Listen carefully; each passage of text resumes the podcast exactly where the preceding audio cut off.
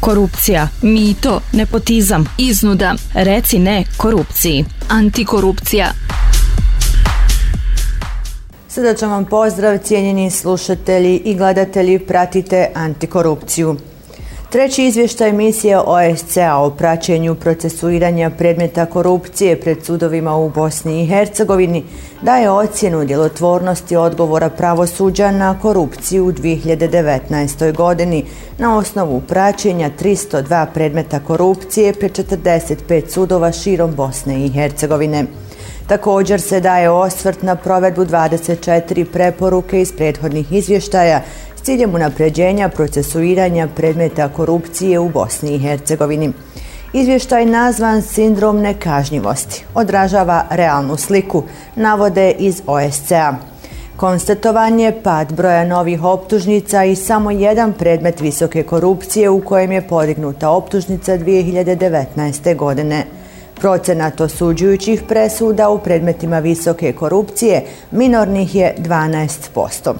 Sve to sugeriše na moguće propuste Visokog sudskog i tužilačkog vijeća, zbog čega OSC preporučuje izmjene zakona o vijeću u pravcu jačanja integriteta u pravosuđu i disciplinskim procesima.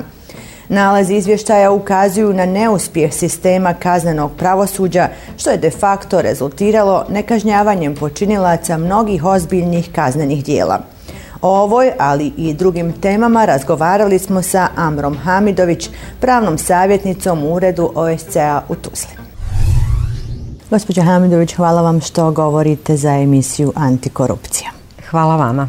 E, misija OSCA u Bosni i Hercegovini u 2020. godini uradila je izvještaj simboličnog naziva Sindrom nekažnjivosti. Možete li nam napraviti e, kratak pregled glavnih zaključaka koji se navode u ovom izvještaju?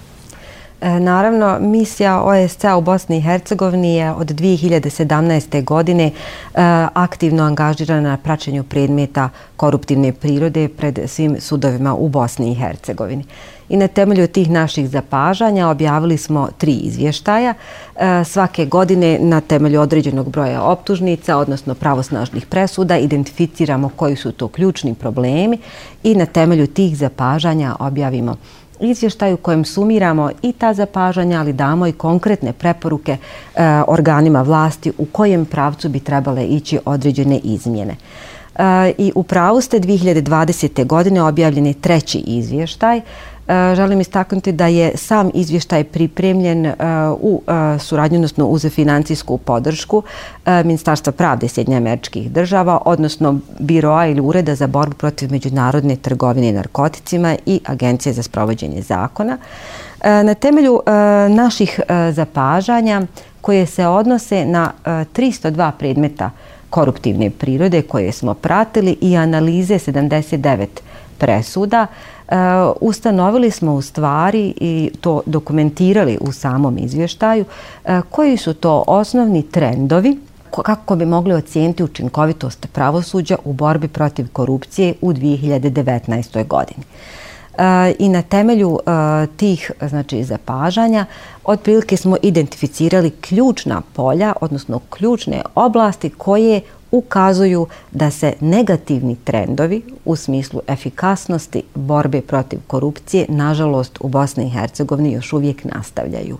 E, to je ono što bih ja istakla kao jednu generalnu, e, generalno zapažanje, odnosno generalnu napomenu, e, jer e, malo kasnije ćemo imati priliku možda i da se upoznamo sa konkretnim izdvojenim tematskim oblastima koje smo posebno akcentirali u samom izvještaju, ali generalno ukupna slika je da pravosuđe u Bosni i Hercegovini danas nije efikasno u kontekstu borbe protiv korupcije da u izvještaju koji se odnosi na procesiranje korupcije na srednjem i visokom nivou izneseni su porazni pokazatelji za veći dio pravosudnih institucija u cijeloj Bosni i Hercegovini, na što su se najviše odnosile zamjerke. Uh Eh, kao što sam napomenula, 300 predmeta otprilike je neki uzorak koji može dati koliko toliko vjerodostojne pokazatelje, odnosno neku sliku, širu sliku da bi se u stvari ustanovilo eh, na, ko, kako je kapacitirano pravosuđe eh,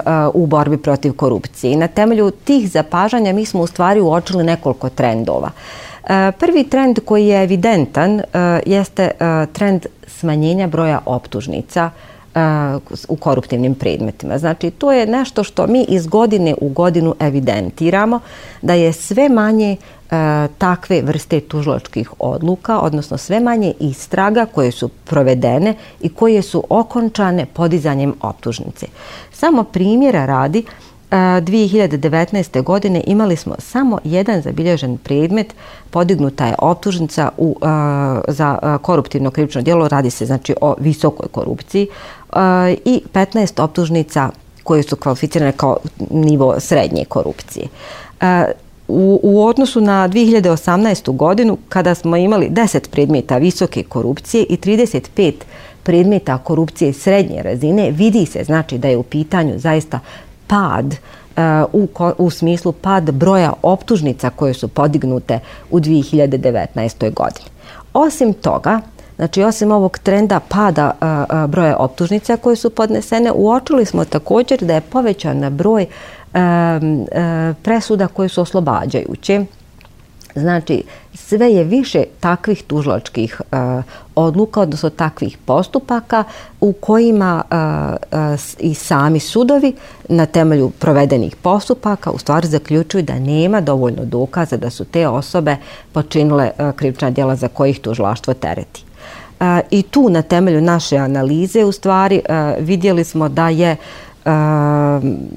taj, da, da je razlog tome u stvari e, između ostalog ne samo na tužilaštu nego i e, na strani sudova, odnosno sudija, e, jer su u pitanju primjena određenih e, standarda, odnosno kriterija koje stvaraju, da kažemo, malo fleksibilniji ili neujednačen, e, neujednačenu primjenu zakona. A kao što je svima poznato, jedna od osnovnih vrlina svih demokratskih država koji imaju zaista čvrsto ugrađene principe vladavine prava, odnosi se i na predvidivost zakona, odnosi se i na pravnu sigurnost. Ukoliko nema dovoljne predvidivosti u smislu primjene zakona, odnosno nekog standarda, tu je pravna nesigurnost za same građane i veća. I e, jedna od znači preporuka i jedna od e, polja koja smo mi analizirali odnosila se upravo na ovo. Na koji način sudovi osiguravaju da je praksa da je određena praksa konzistentna, da postoji neki slijed i predvidivost da ako sam ja počinitelj nekog kaznenog dijela koruptivne prirode, a funkcioner sam na visokoj poziciji, da ću na isti ili identičan način e, e, uh, dobiti odgovarajuću sankciju kao i osoba koja je recimo e, niže rangirana koja nije ni u kakvom sistemu vlasti na neki način.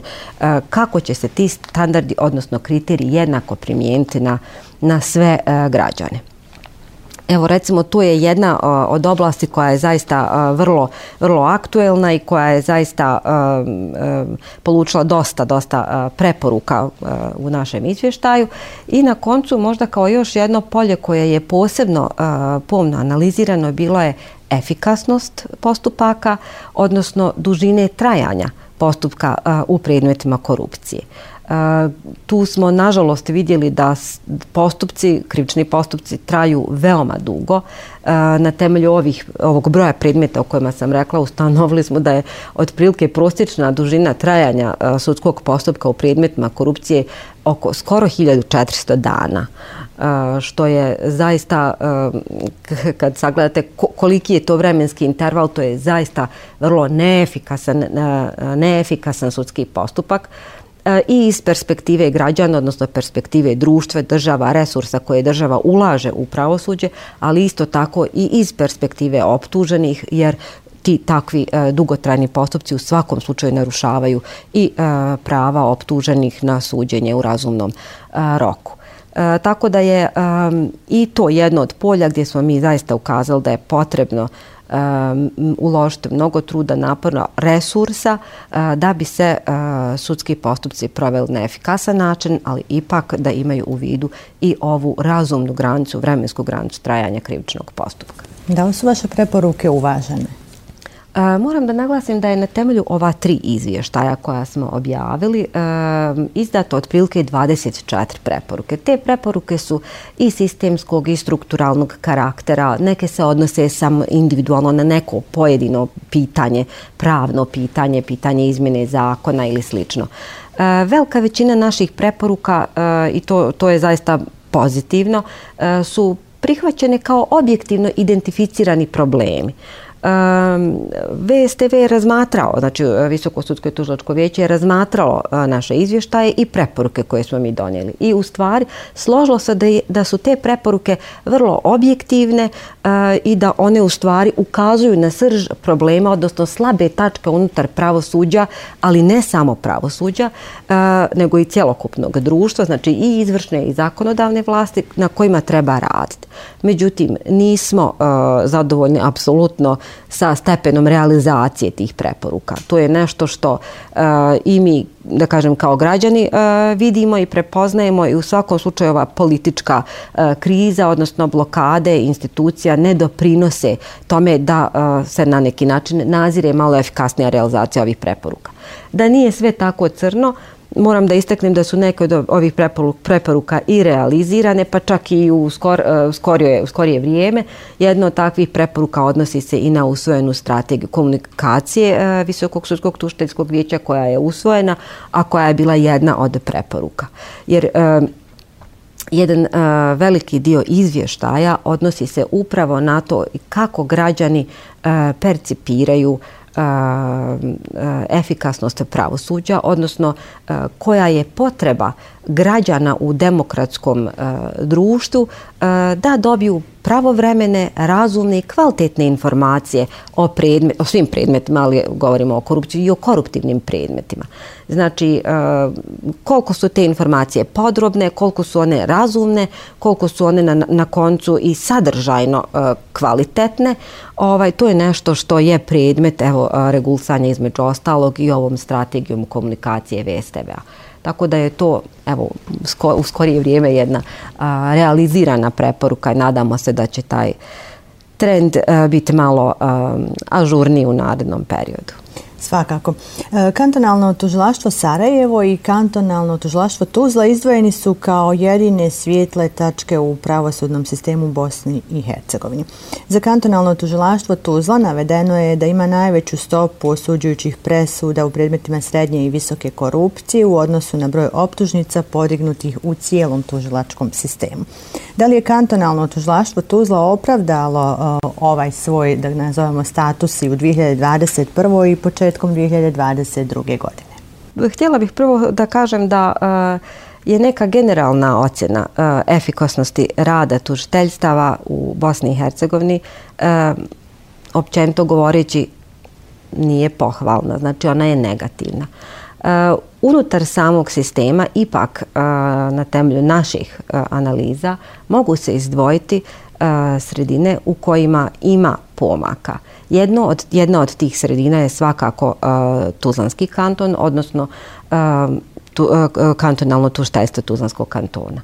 Uh, uz uh, kantonalno tuštajstvo Tuzlanskog kantona tu su u nekoj mjeri i Sarajevski kanton, Zeničko-Dobojski kanton i u posljednje vrijeme Unsko-Sanski kanton. Uh, E, ja moram da kažem da je e, komplet e, pravosudni aparat Bosne i Hercegovine zaista bio u velikoj mjeri pogođen, kao i svi drugi segmenti društva i svi mi pojedinci, efektima pandemije.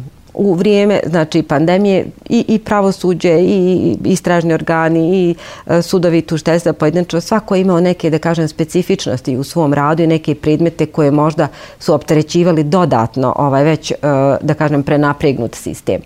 Tako da e, je ova učinkovitost e, u neku ruku e, malo posustala.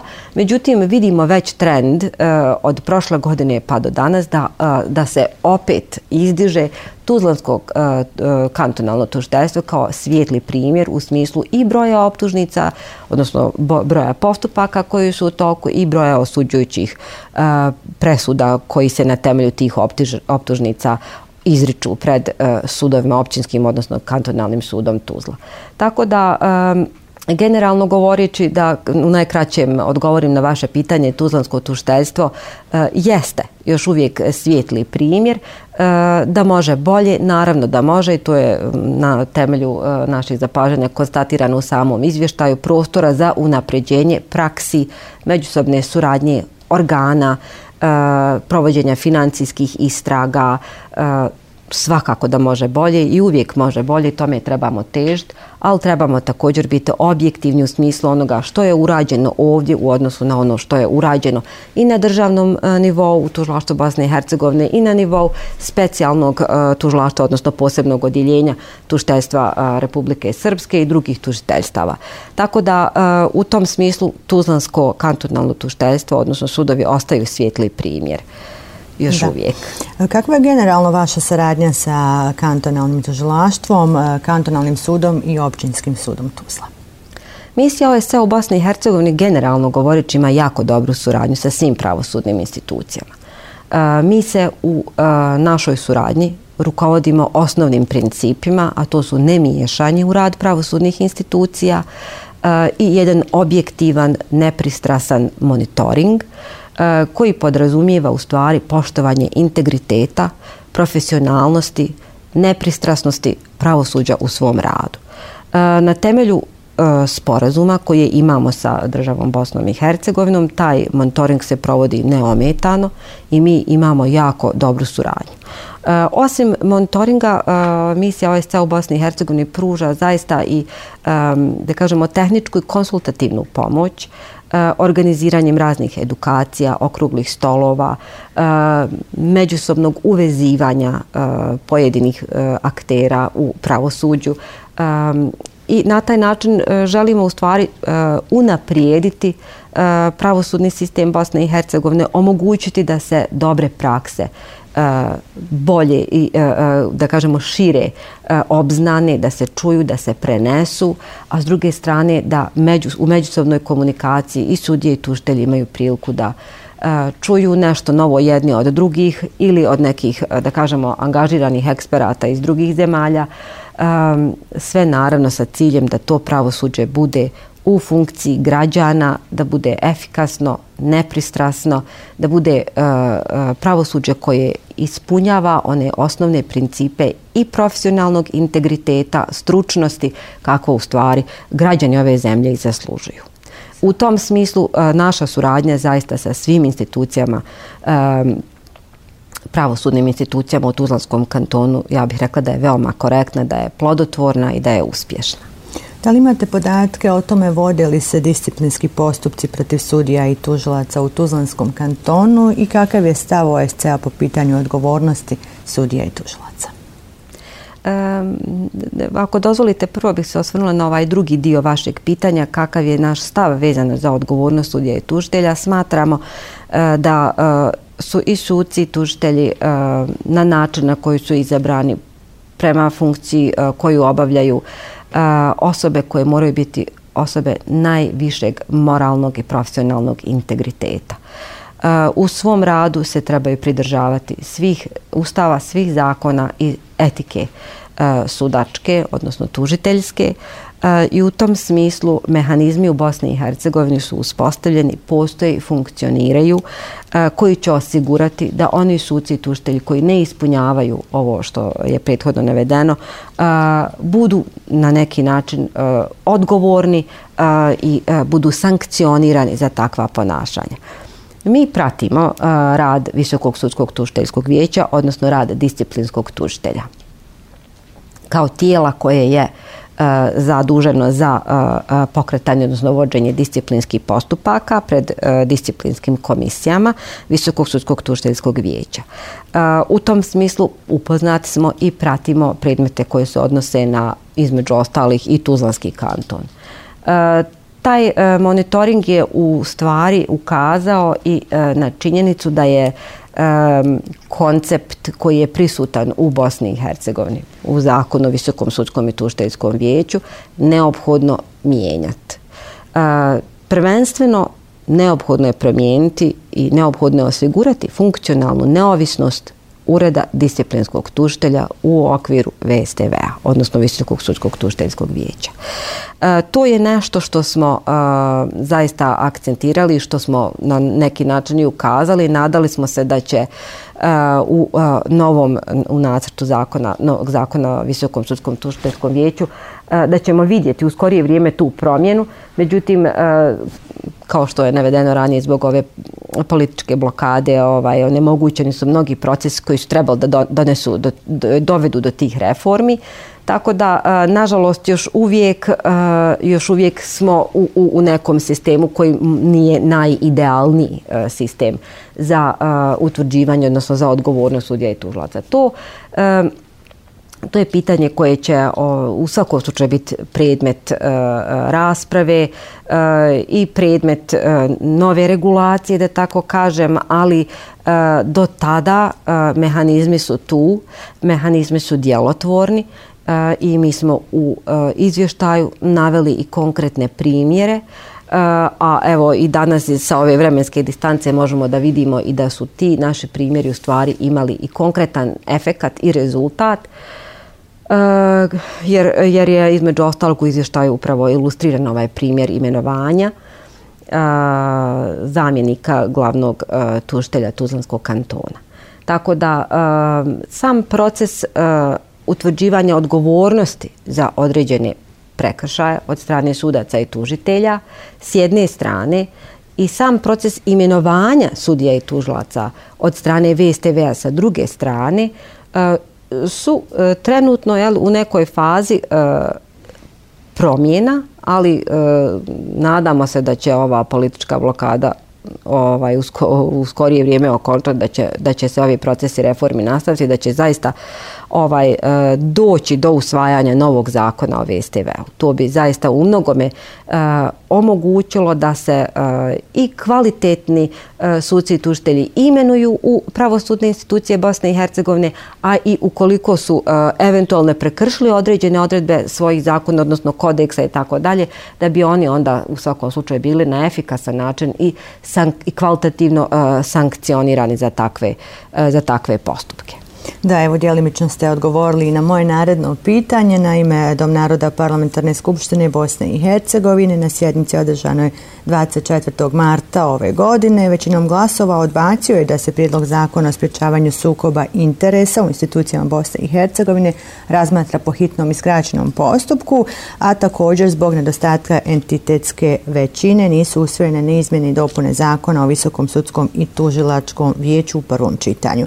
E, kako to komentaršete, obzirom da se radi o zakonskim materijalima koji su jedna od 14 obaveza izmišljenja Evropske komisije na evropskom putu Bosne i Hercegovine. To je u svakom slučaju vrlo a, negativan trend. Mi smo to ovaj, e, mislim, e, više puta i javno uh, a, e, izrazili stav, odnosno mišljenje o tome. A, međutim, ono što je ključno u ovom momentu je istaknuti da je pred nama jedan e, period kada um, U svakom slučaju, mnogi od ovih procesa ovise o a, političkom dogovoru, odnosno o nekom kompromisu na nivou koji prevazilazi a, nivo pravosudnih institucija. Tako da, a, između ostalog, i pravosuđe je na neki način talac ove političke krize. Sve ono pozitivno što bi se trebalo u stvari promijeniti u pravosuđu, a što je predviđeno i mišljenjem Venecijanske komisije i a, novim a, nacrtom zakona o Visokom sudskom i tužlačkom vijeću je u stvari na čekanju a, zbog, a, zbog toga. Ja se nadam da, da će se i ova politička kriza na neki način uh, u što skorije vrijeme razmrsiti, odnosno da će se uh, uh, pronaći dovoljno političke volje, snage i mudrosti od strane političkih lidera da u stvari shvati koliko dalekosežne posljedice, negativne dalekosežne posljedice uh, imaju ovakvi vidovi i blokada i ovakvi vidovi. Um, ne, da kažemo neshvaćanja prioriteta građana. Jedan od prioriteta građana u svakom slučaju jeste nezavisno profesionalno pravosuđe. Dokle god imamo ovakvu situaciju na najvišoj političkoj razini, građani neće biti u mogućnosti i ne mogu da očekuju ispunjenje tog njihovog zahtjeva. mehanizmi koji postoje Eh, u Bosni i Hercegovini koji bi trebali osigurati da se to promijene su naravno eh, eh, pred nama, pred vratima, mislim na izbore naravno i u tom smislu slijedi jedan novi period kada će se vidjeti u stvari na koji način, kojim pravcem građani žele, žele da, da, da idu ka budućnosti. To je u svakom slučaju negativan trend, ali kažem nije u domeni onoga što pravosuđe u ovom momentu može uraditi, nego se nalazi upravo u sferi političkog dijaloga i nadam se da, ponavljam, da će zaista ova kriza pronaći neki modus, neki način na koji će se riješiti, a u svakom slučaju dovesti do unapređenja u radu pravosuđa. Kad smo kod građana, oni su dosta obeshrabreni, obeshrabreni svjesni su da je korupcija zaista prisutna u svim sferama života. Evo i na osnovu ovih podataka koje oni redovno prate i u medijskim izvještajima, oni doživljavaju da je korupcija i u pravosudnom sistemu zastupljena i da zapravo nemaju komen da se obrate i od koga da očekuju pomoć. Kako vratiti povjerenje građana u pravosudni sistem? E, brojni su načini na koji e, se može vratiti povjerenje građana u pravosudni sistem. Svakako, jedan od najefikasnijih načina jeste e, sam angažman pravosuđa. Kad kažem angažman pravosuđa, mislim tu i na angažman u smislu pojašnjavanja građanima svih procesa koji su u toku, Uh, E, pojašnjavanju i educiranju građana, jer između ostalog i to je zadatak pravosuđa. Educiranje građana o, o, o samim postupcima u smislu uh, shvaćanja uh, i građana da nemaju neka nerealna očekivanja. Znači, sve što se dešava ima neki svoj uh, slijed. Uh, s jedne strane, znači, vrlo jednostavan, da kažemo, recept. Kvalitetan rad i efikasan rad, veći broj optužnica, veći broj presuda, više osuđujućih presuda, to bi vratilo povjerenje građana u e, pravosuđe. S jedne strane, a s druge strane komunikacija. Uh, svi smo i na, da kažem, ličnom nivou svjedoci da ono što nam je nepoznato, što nam je strano, nije nam blisko, imamo animozitet prema tome. Tako isto i građani. Ukoliko je pravosudni sistem za njih zatvoren, ukoliko oni ne znaju kako on funkcionira, s kojim kapacitetima on funkcionira, koliko se pojedinci u tom sistemu zaista trude, zalažu, rade, da vide neki konkretan pomak u svom domenu oblasti u kojoj se rade, onda je građani opravdano mogu da imaju i skepsu i dilemu da sistem ne funkcionira, da ništa ne valja, da ništa se ne radi u smislu prociranja predmeta korupcije. Ali kao što sam i rekla, e, sigurna sam da, da mnogi građani Tuzlanskog kantona nisu zadovoljni radom pravosuđa Tuzlanskog kantona.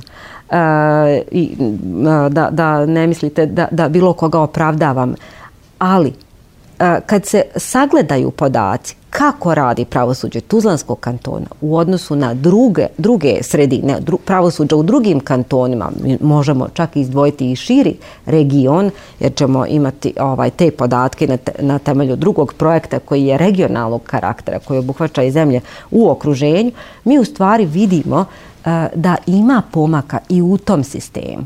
Znači da ima pozitivnih primjera, da ima zaista časnih i poštenih nositelja pravosudnih funkcija koji žele da rade svoj posao odgovorno i koji žele da građani budu i upoznati i da čuju sa, e, koja su to njihova dostignuća i šta je sve urađeno.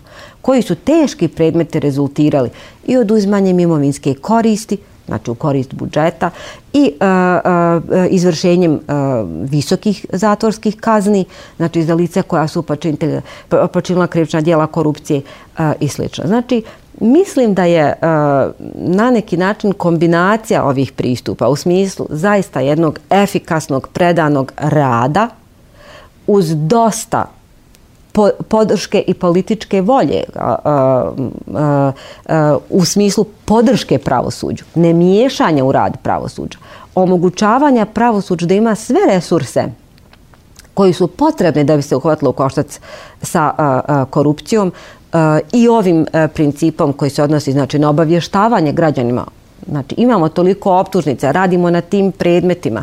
Ovo su naši izazovi. Ovdje bi nam vi mogli kao građani pomoći u prikupljanju određenih informacija i saznanja. E, e, sve to zajedno u stvari bi trebalo na neki način da vrati povjerenje građana e, u pravosuđe. Hvala vam puno za ovaj razgovor. Hvala vama. Ukoliko imate saznanja ili ste svjedok koruptivnih radnji, možete to prijaviti besplatno na broj 0800 54321. Odvaži se i pozovi. Reci ne korupciji. Predstavnici ambasade SAD-a u Bosni i Hercegovini i vlade Tuzlanskog kantona 18. maja potpisali su memorandum o razumijevanju o saradnji u borbi protiv korupcije.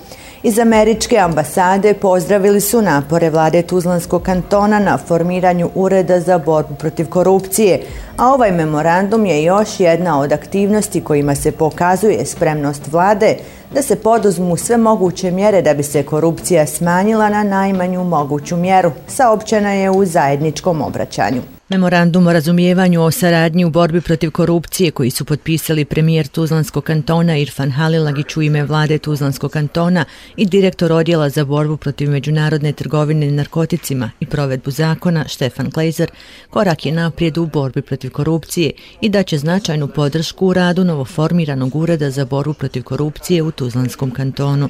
Memorandumom je predviđeno da Ured za borbu protiv međunarodne trgovine narkoticima i provedbu zakona pri Ministarstvu vanjskih poslova SAD-a kao odjel pri ambasadi SAD-a u Sarajevu finansira paket tehničke pomoći vladi Tuzlanskog kantona kao vid pomoći u borbi protiv korupcije i radu Ureda za borbu protiv korupcije. Ovaj memorandum i ovo što smo danas imali priliku razgovarati i dogovarati biti vjetar u leđa vlade Tuzlanskog kantona da ove procese e, nastavi kako bismo jeli e, u konačnici uspostavili evo sam e, ured i stavili ga u, u, u punu, puni kapacitet jeli, onoga što treba da, da bude posao tog ureda njegova, njegova nadležnost. Ovim se žele postići održive dugoročne promjene u institucijama i antikorupcijskim sistemima kroz koordinirani i integrirani pristup suzbijanju korupcije s posebnim naglaskom na poboljšanje preventive, kontrole i istrage.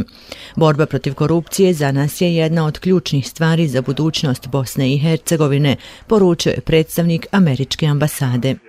And as we talked about with the government, any uh, Svaka vlada koja želi da se bori protiv korupcije, mi smo tu da pomognemo. Korupcije ima u svakoj zemlji, uključujući i Sjedinjene države.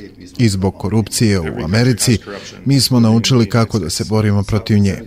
Ovdje smo da pomognemo novo uspostavljenom uredu za borbu protiv korupcije i važno je da čestitamo vladi na napretku koji je napravila do sada. Ovo je tek treći ured u cijeloj zemlji nakon Sarajeva i Brčkog.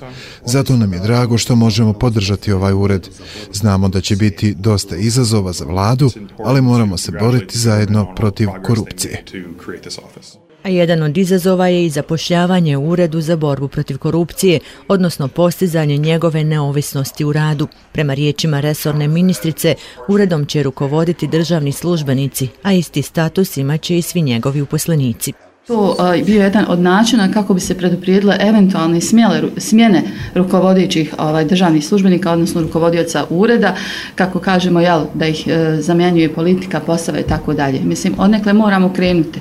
Dakle, politika ipak nekog mora ona imenovati, a dalji procesi će odvijati sve državni službenici i zato imamo i ovaj zastoj mali u imenovanju e, rukovodioca ureda za borbu protiv korupcije, upravo zato što to radi agencija E, dakle, onaj, za državnu službu Federacije Bosne i Hercegovine i znamo da su tu malo usporene procedure. Ured za borbu protiv korupcije Tuzlanskog kantona predstavljaće mehanizam za provođenje zakona o prijavljivanju, porijeklu i kontroli imovine izabranih dužnosnika, nositelja izvršnih funkcija i savjetnika u Tuzlanskom kantonu, a osnovna zadaća uposlenika ureda biće prikupljanje i analiza podataka koji će u slučaju bilo kakvih anomalija biti proslijeđeni u nadležno tužilaštvo.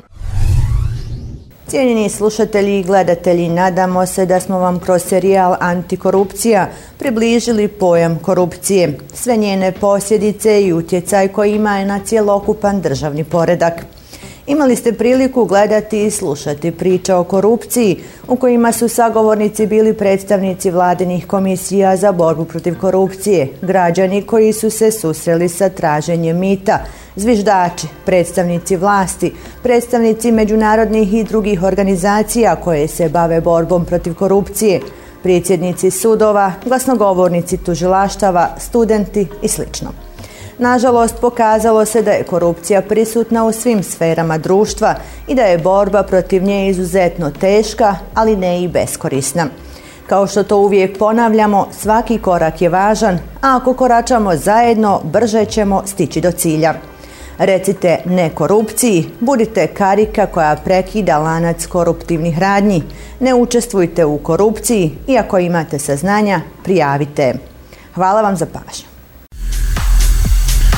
Korupcija, mito, nepotizam, iznuda. Reci ne korupciji. Antikorupcija.